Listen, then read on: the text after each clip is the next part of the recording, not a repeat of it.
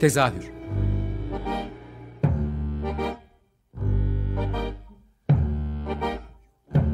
İstanbul tiyatro hayatı üzerine gündelik konuşmalar. What keeps mankind alive? What keeps mankind alive? The fact that billions are daily tortured, stifled, punished, silenced and oppressed. Mankind is kept alive by bestial acts. Hazırlayan ve sunan Gülin Dede Tekin. Tezerden herkese iyi akşamlar. Ben Gülin Dede Tekin. E, bu hafta geçtiğimiz hafta olduğu gibi e, tezahüre başlamadan önce gene bir küçük anons yapmak istiyorum. E, bildiğiniz üzere her sene coşkulu bir şekilde kutladığımız, yaşadığımız dinleyici destek haftamızı, e, günlerimizi bu sene yapamıyoruz mevcut pandemi, koşu, pandemi koşullarından dolayı. E, bu yüzden bununla ilgili bir hatırlatma yapmak istiyoruz. E, Açık Radyo biliyorsunuz ki e, yaşam biçimi ve bağımsızlığını sürdürebilir olmasını e, bu desteklerden sağlıyor. Bağımsız bir radyo olabilmemizin koşullarından biri de bu. Eğer ki siz de destekçi olmak isterseniz Açık Radyo'nun sitesinden e, gerekli yönlendirmelerle bu sene e, bize destek olabilirsiniz. E, şimdiden bunun için çok teşekkürler. Bu akşam tezahürde bu geçtiğimiz haftalarda da özellikle tiyatroda bu dönem neler olacak, nasıl bir de, e, destek görebilecekler üzerine yaptığımız konuşmaların bir devamı var. Ama bu, bu defa biraz daha resmi kaynaklara dayanarak bir konuşma yapmak için e, Tiyatro Kooperatifi Yönetim Kurulu Başkanı Iraz Yöntem konuğum. Hoş geldin Iraz. Hoş bulduk. Şimdi daha önce biz yapılan kampanyalar üzerinden de görüşmelerimiz oldu. Bir 2-3 son 2-3 programdır. Tiyatroda neler oluyor? Bu pandemi dönemi tiyatroyu nasıl etkiledi ve nasıl kaynak geliştirebiliyorsunuz gibi görüşmeler yapmaya çalıştık. Ama haftalardır aslında beklediğimiz haberlerden haberlerin büyüğü sizde. Ama bunun öncesinde senden de bir hani kooperatif bakış açısıyla e, tiyatro pandemiden nasıl etkilendiği biraz dinleme şansımız olabilir mi? Elbette. Tabii ki her zaman olduğu gibi bu anlamda ilk etkilenen, negatif anlamda etkilenen alanlardan bir tanesi tiyatro. Tıpkı sanatın ve kültürel faaliyetlerin tümü gibi. Çünkü biliyorsun bizim aslında buna zihinsel olarak bağışıklığımız var bu duruma. Çünkü yani dünyada ve ülkede e, olan afetlerde, krizlerde, toplumsal olaylarda hemen ilk yapılan şey bizim alanımızın durdurulması oluyor. Çünkü bizler ne yazık ki bir e, eğlence sektörü içinde tanımlanıyoruz ve kültürel etkinlikler yani kültürel faaliyetlerin hepsi bir etkinlik çatısı altında buluşturulmaya çalışılıyor. Ve dolayısıyla hemen bir anda bütün duran sektör bizimki oluyor. Ama aslında biz tiyatro yapıyoruz. Tiyatro sadece bir eğlence etkinliği değildir. E, kültürel bir faaliyettir ve sanatın en önemli alanlarından biridir ve bir duyguyu ortaklaşa yaşamak üzerinden kamusal da bir ihtiyaçtır. Ve biz bu süreç başladığında 11 Mart'ta ilk Türkiye'de vaka resmi olarak tespit edildiğinde zaten dünyayı izliyorduk. Gelmekte olan çığında farkındaydık. Ee, ama bu sürecin süratle bize de geldiğini gördüğümüz için ki bizler de bu anlamda işimiz insanla olduğu için birçok tiyatro 16 Mart'taydı yanlış hatırlamıyorsam daha genelgeler yayınlanmadan önce kendi inisiyatifleriyle zaten perdelerini kapatmaya evet. başlamışlardı. Ve aslında bizim için çok kritik bir zamandı. Neden? Çünkü tam sezonun ortası, evet. bahar zamanı, yeni oyunların çıktığı zaman. Soğukların insanların azaldı. birazcık evet. daha evet baharla beraber kendilerini de daha fazla kültürel faaliyetlere e, yönelttikleri bir zamandı. Ve biliyorsun biz sezonluk çalışan bir alanız yani. O yüzden e, sezonun da sonuna çok yaklaşmışken tam böyle ortadan çat diye durmak zorunda kaldık ve bu korkunç bir yıkıma dönüşmek üzere. Çok büyük bir risk altında burada tiyatroların yaşamsal varlığı. Bu varlığı idame ettirebilmenin de dünyadaki en büyük yolu tabii ki devletlerin desteklerinden geliyor. Ee, biz ne yazık ki bu anlamda dünyadaki diğer örneklerle pek de uyumlu bir tablo sergileyemiyoruz. Evet ne yazık ki. O yüzden özellikle sahnesi olan tiyatroların şu anda hali hazırda kira ödemeleri, fatura ödemeleri devam ediyor. Çalışan birçok insan bizde de işsiz kalmış durumda ve geçimini sağlamakta zorlanıyor. Yani aslında çok e, derin bir uçurumun kenarındayız ve düşmemek için büyük çaba sarf ediyoruz diyebilirim. Peki e, sizin yanılmıyorsam 14 Mart'ta mıydı yoksa e, bir bakanlıkta görüşmeniz oldu? E, Evet Kültür 14 Mart'ta. Kültür ve Turizm Bakanlığı'yla. Sizin talepleriniz neler oldu ve hani zaten bunun bağlamında e, sonrasında neler karşılandı, ne, ne tepki verdiler onları da soracağım. Biz 14 Mart'ta Kültür Bakanlığı'nın davetiyle Oyuncular Sendikası ve Tiyatro Kooperatifi olarak muhtemelen alanında ilgili mevkiyle toplantı yapabilen ilk kurumlar. Hı hı. Ee, ve orada çok süratli hazırlandığımız bir şeydi tabii ki ama genel olarak üzerimizdeki vergi yükünün ağırlığı, bu gelmekte olan tığın etkisinin büyüklüğü, bu yüzden devletin desteğine olan ihtiyacımızdan bahsettik. Ee, onlar da aslında bir bakıma bize bir haftadan süre vermiş oldular. Biz çünkü o zamanlarda tiyatro kooperatifinin 37 tane ortağı vardı. Ee, biz onlara biz burada sadece 37 tiyatroyu temsilen oturmuyoruz. Türkiye'deki bütün tiyatrolar aynı sıkıntıları yaşıyorlar ve yaşayacaklar. O yüzden Türkiye'deki bütün tiyatrolar adına biz burada oturuyoruz dedik. Ve sonrasındaki bir hafta boyunca 200 civarında belki daha fazla tiyatro ile görüşmeler yaptık. Telefon görüşmeleri yaptık, e, mailleştik ve 80'den fazla tiyatroyla 17 Mart'ta yanlış hatırlamıyorsam bir video konferans düzenledik ve ortak talepleri ve önerileri topladık ve bir rapor haline getirdik. Tabii ki ortak akıl, ortak yol hepimizin sorunu ortak çünkü. 20 Mart'ta bakan yardımcısı ile beraber bir toplantıya katıldık yeniden. Orada başka tiyatrolar da vardı, başka temsilciler de vardı bizimle beraber. Ve biz onlara 20 Mart'ta bir e, öneriler ve talepler listesi ilettik. Hatta e, dinleyicilerimiz de tiyatrokooperatif.org adresinden orada bir pop-up sayfa açılıyor. Onların hepsine tamamına ulaşabilirler. Ne vardı bunun içinde? Bir kere kredi garanti fonundan devlet destekli esnek bir kredi paketi talebinde bulunduk. Hı hı. Ee, bu 2019-2020 yılı içinde Kültür Bakanlığı'nın devlet desteğinden faydalanmış tiyatrolar için oyun sayısı şartının kaldırılmasını talep ettik. Mücbir sebepler dolayısıyla. 21 oyundu galiba ee, değil mi? Onu da... 21 oyun, evet 21 oyundu. Ee, sonrasında bütçelerin arttırılmasını talep ettik. Üzerimizdeki vergi yükünün hafifletilmesini, tıpkı uçuşlarda uçak biletindeki gibi yüzde bire indirdiler biliyorsun KDV'yi. Evet. Pardon. E, tiyatro biletin üzerindeki KDV'nin de yüzde bire indirilmesi. E, sigorta ve primlerin ertelenmesini talep etmiştik. Zaten ilk 16 Mart'ta açıklanan ekonomik kalkan paketiyle birlikte tiyatro sektörü de bunun için dahil edildi. Hı hı. Ötelemeler yapıldı elbette. Fakat bizim için tabii ki bunlar çok yetersiz acil nakit ihtiyacı var şu anda bütün tiyatrolar için. Özellikle sahnesi olan tiyatroların hayatta kalabilmesi için. Bu devlet destekli kredi garanti fonundan esnek e, kredi paketimizi, talebimizi yineliyoruz her fırsatta ve ısrarla yineliyoruz. Çünkü Türkiye'deki mevzuat hali hazırda hibe uygulamalarına elverişli değil. Bizde böyle bir yasa yok. Hmm. E, ve bu yüzden hibe alamıyoruz sektörel olarak da herhangi bir sektörde bu anlamda hibe alamıyor. E, taleplerimizin bazıları karşılık buldu. Bu 2019-2020 sezonu için oyun şartı, e, oyun sayısı şartı kaldırıldı. Bu sene başvurular erkene alındı ve bütçe yüz, yani iki katından daha fazlasına çıkartıldı. E, biz ayrıca çünkü bir öneride daha bulunmuştuk. Bu özel tiyatrolara destek yönetmeliği hakkında detaylıca bir çalışma yaptık ve madde madde o yönetmelik üzerine bir önerge sunduk. O onlarda da vardı yani o önergenin içinde de vardı bu maddeler. Normalde bir bütçe sunduğunuz zaman bütçenin maksimum yüzde 50'sini karşılıyordu bu proje bazlı destek yüzde 70 oranına yükseltildi. Biz bunu yüzde 80 ve 90'a çıkarılmasını istemiştik ama bu da bir kazanımdır. Peki arada ee, minik bir şey anlam... soracağım. Bu geçici sadece bu döneme özel bir şey mi ee, yoksa hani kalıcı bir oyun sayısının mi? oyun sayısı şartının kaldırılması bu döneme özel hı hı.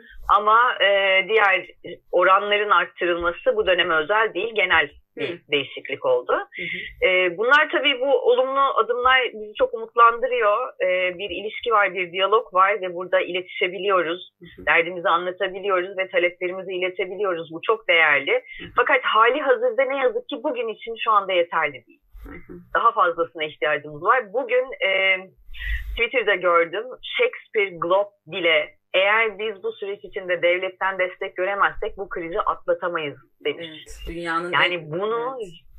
yüzyıllardır var olan bir kurum İngiltere gibi bir ülkede bunu söylüyorsa hı hı. E, bu bize bir şey söylüyor. Evet. Yani muhakkak surette evet ülkeler çok çeşitli destek paketleri açıkladılar özellikle kültür sanat alanında evet. ama bizim de bu standartları yakalayabiliyor olmamız gerekiyor. Neden? Çünkü yarın bugünleri atlattığımız zaman en çok sanata ihtiyaç duyacağız. Evet. Çünkü sanat iyidir, iyileştirir, bir tutkaldır e, bizim ruhumuzu ve aklımızı diri tutmamızı sağlayan en önemli araçlardan bir tanesidir.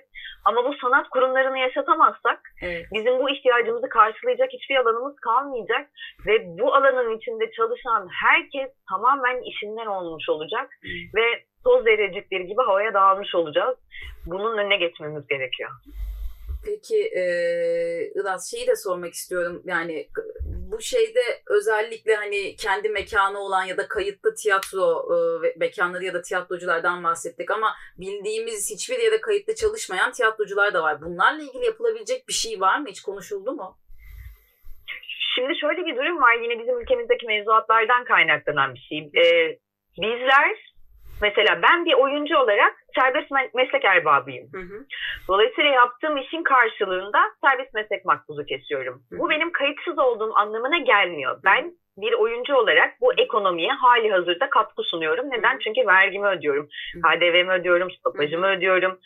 Biz kurumlar olarak da bunları ödüyoruz. Evet. Ama biz oyuncular olarak işte tasarımcılar olarak da bunu ödüyoruz. Hı hı. Yani burada sigortalılığımız eksik. Bu da yine mevzuattaki uyumsuzluktan kaynaklanıyor. Çünkü bizim yaptığımız iş mevcut standartlardaki mevzuata özellikle sigortalanma mevzuatına uygun değil. Hı. Çünkü biz sabah 8 akşam 5 çalışmıyoruz. E, ayda 28 gün çalışmıyoruz. Hı hı.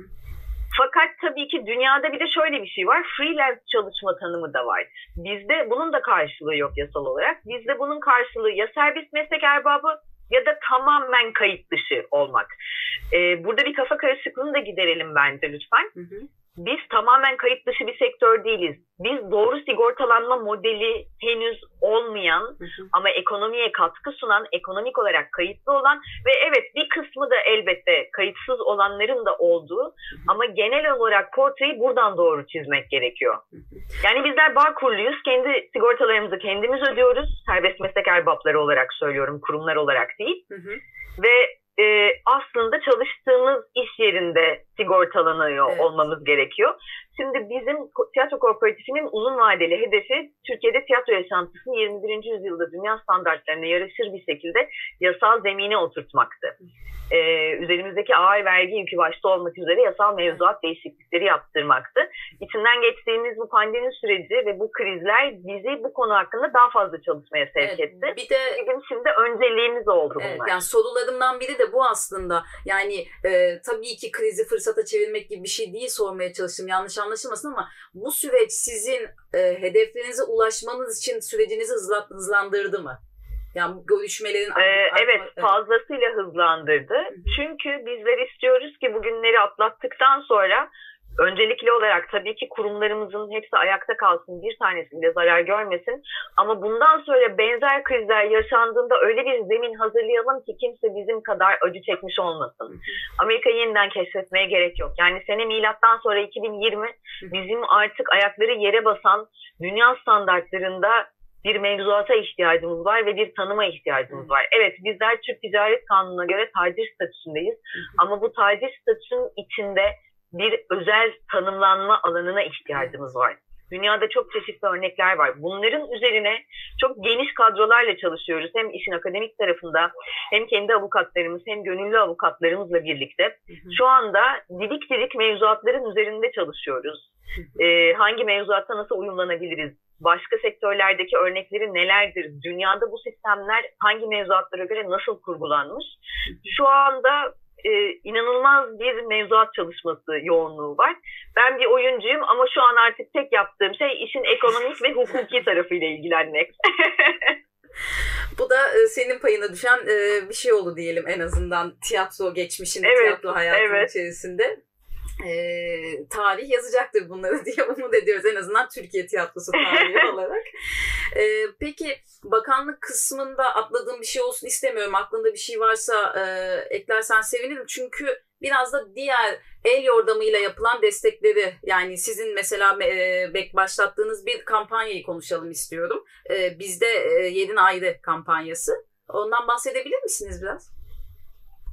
Evet tabii ki. Bizde yerin ayrı e, kooperatifin ortağı yaklaşık 25 tiyatronun şimdilik içinde olduğu e, seyircilerimizin bugünden yerlerini alarak yarın da var olabilmemizi sağlayacakları bir destek kampanyası, bir destek programı aslında. Dünyada çokça yapılan bir şey tabii biliyorsun ülkemizde de e, başka özel tiyatrolar da müstakil olarak da bu kampanyaları yapıyorlar. Bu aynı zamanda bir umudu da diri tutmaya yarayan bir şey. Neden? Çünkü bir yarın olacak ve o yarınlarda bizler de var olacağız. O yüzden şimdiden o umudu koruyarak yarın nasıl olabileceğimiz üzerine çalışmak istiyoruz. E, bu umutla beraber hazırladık. Seyircilerimiz de inanılmaz destek veriyorlar. Farklı kategorilerde farklı paketlerimiz var. E, burada da dinleyicilerimize söyleyelim. Biz değerinayrı.com adresinden bütün kampanyanın detaylarına ulaşabilirler. Bu kampanyaya ilk kurumsal destek Anadolu Efes'ten geldi. Hı hı. Ve Anadolu Efes e, aldığı gösterim e, davetiyelerini tıp öğrencilerine hediye etti. Çok değerli bir şey. Bu sürecin içindeki dayanışma sadece tiyatroların ayakta kalması için değil, hali hazırda sahada olan e, ve yarınlara hepimizin ulaşabilmesi için çaba harcayan tüm alanlardaki insanlara da bir hediyedir bu aynı zamanda. E, o yüzden bu destek kampanyasının her geçen gün daha da büyüyeceğini düşünüyorum ve buna da inanıyoruz hep beraber. Daha Bizi henüz... çok heyecanlandıran bir kampanya. İlk haftasında değil mi? Beşinci gün falan oldu galiba yanılmıyorsam. Öyle. Aslına bakarsan 9 e, Mayıs'ta Fest Together'da ilk teaserlarımız döndü. Henüz biz resmi olarak kampanyanın e, duyurusunu tam çıkmadık. Bu çok güzel bir şekilde kulaktan kulağa gitmeye evet. başladı. Fest Together'ın bunda etkisi çok büyük tabii biliyorsun. E, yaklaşık 14 saatlik bir canlı yayın evet. silsilesiyle düzenlenmiş bir festivaldi. Hı-hı. Ve ihtiyaç haritası bu anlamda diğer birçok sos, e, sivil toplum kuruluşuyla birlikte inanılmaz yardımlar toplandı çok verimli bir festival oldu. Hem insanların ruhuna iyi gelen evet. hem de ihtiyaçlarını karşılayabilecekleri bir alan açıldı.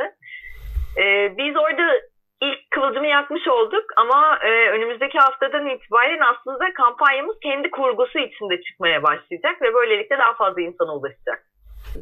Peki e, bu şeyi de atlamak istemiyorum aslında. Bakanlığı ve devleti konuştuk. Sizin işte kooperatif olarak organize ettiğiniz e, ben de yerin aileyi konuştuk ama bir de yerel yönetimler var. Yerel yönetimlerle iletişim halinde misiniz? Tabii ki iletişim halindeyiz. Ee, onlarla da görüşmelerimiz devam ediyor. Geçtiğimiz haftalarda Kemal Kılıçdaroğlu başkanlığında üç büyük şehrin belediye başkanları ile birlikte Ankara, İstanbul ve İzmir e, onlarla bir toplantıdaydık. Sadece biz değil tabii ki yayıncılar oradaydı, müzisyenler oradaydı, meslek örgütleri oradaydı. Kültür biz de o toplantıdaydık. Üzerine anladığım kadarıyla. E, efendim? Kültür sanat üzerine sadece tiyatro değil. Evet Evet evet sadece tiyatro değil. Ee, orada sözlü olarak da ilettik. Sonrasında yazılı olarak da taleplerimizi ilettik. Ee, önerilerimizi de sunduk. Sunmaya da devam ediyoruz. Oradaki iletişim kanalımız da hali hazırda açık. Bu hafta içinde yanılmıyorsam yeniden bir İstanbul Büyükşehir Belediyesi ile bir görüşmemiz olacak.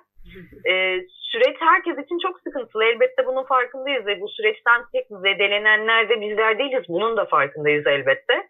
Biraz sabırlı da olmak gerekiyor çok zor ama e, sabırlı olmakta. Çünkü bir bilinmezin içinde gidiyoruz hep beraber. Ama bu iletişim kanallarının hepsi son derece açık ve biz bütün taleplerimiz konusunda son derece ısrarcıyız. Ve hatta yeni projeler geliştiriyoruz ve sürekli geliştirdiğimiz projeleri de not olarak alıyoruz. O görüşmelerde de ilgili makamlara bildiriyoruz. Peki e, paralelde devam eden başka kampanyalar da var dedik ya. Mesela özellikle bir imza kampanyası da var tiyatromuz yaşasın diye. Ve çok sayıda da e, kişiye ulaştı. Seyircilerin de imza atabildiği bir iş oldu.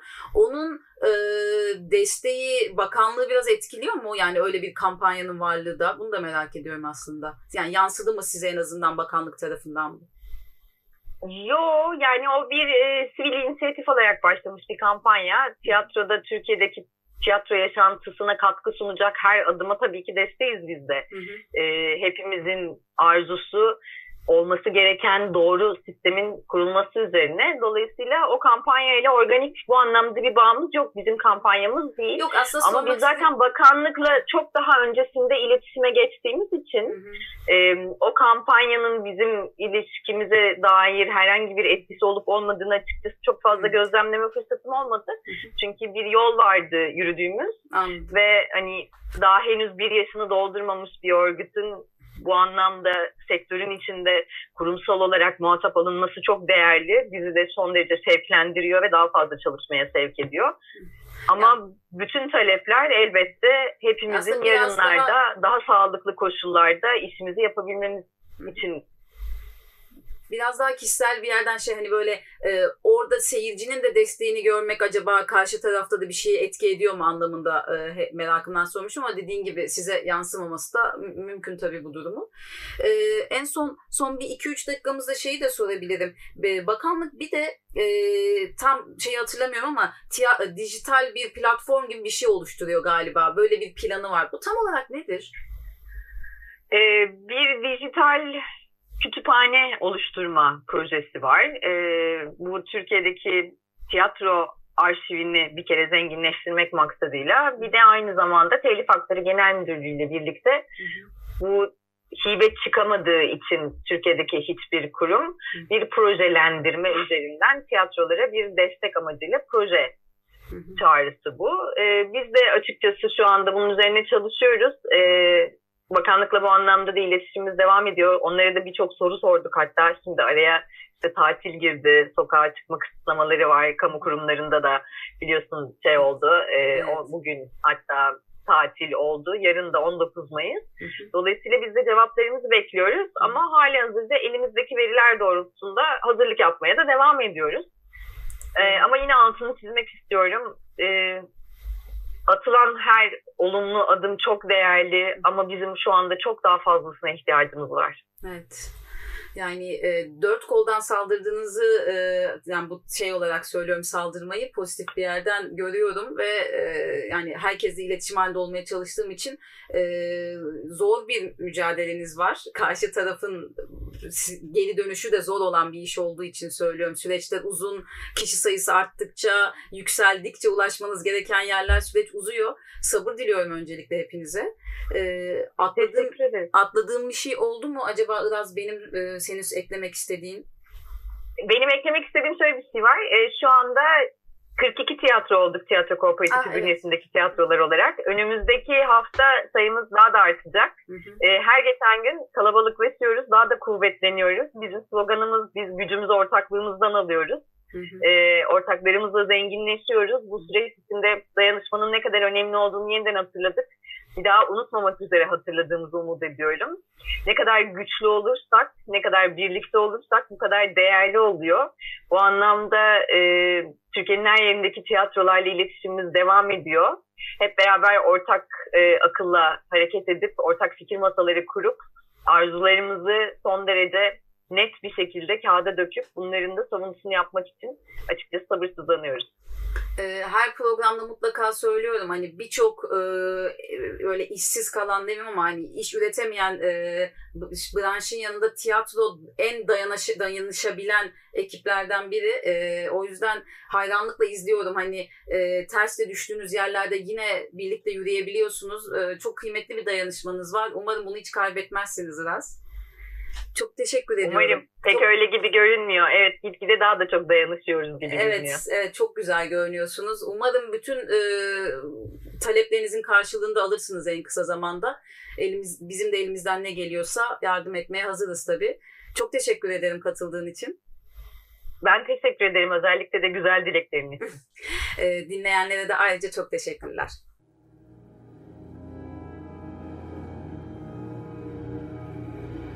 Tezahür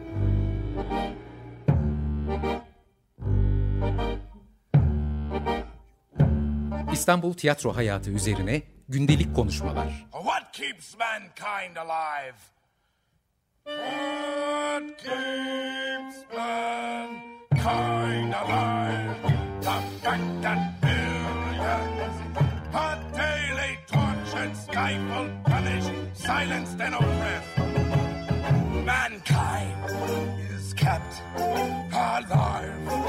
Bay Hazırlayan ve sunan Gülin Dede Tekin. Açık Radyo program destekçisi olun. Bir veya daha fazla programa destek olmak için 212 alan koduyla 343 41 41.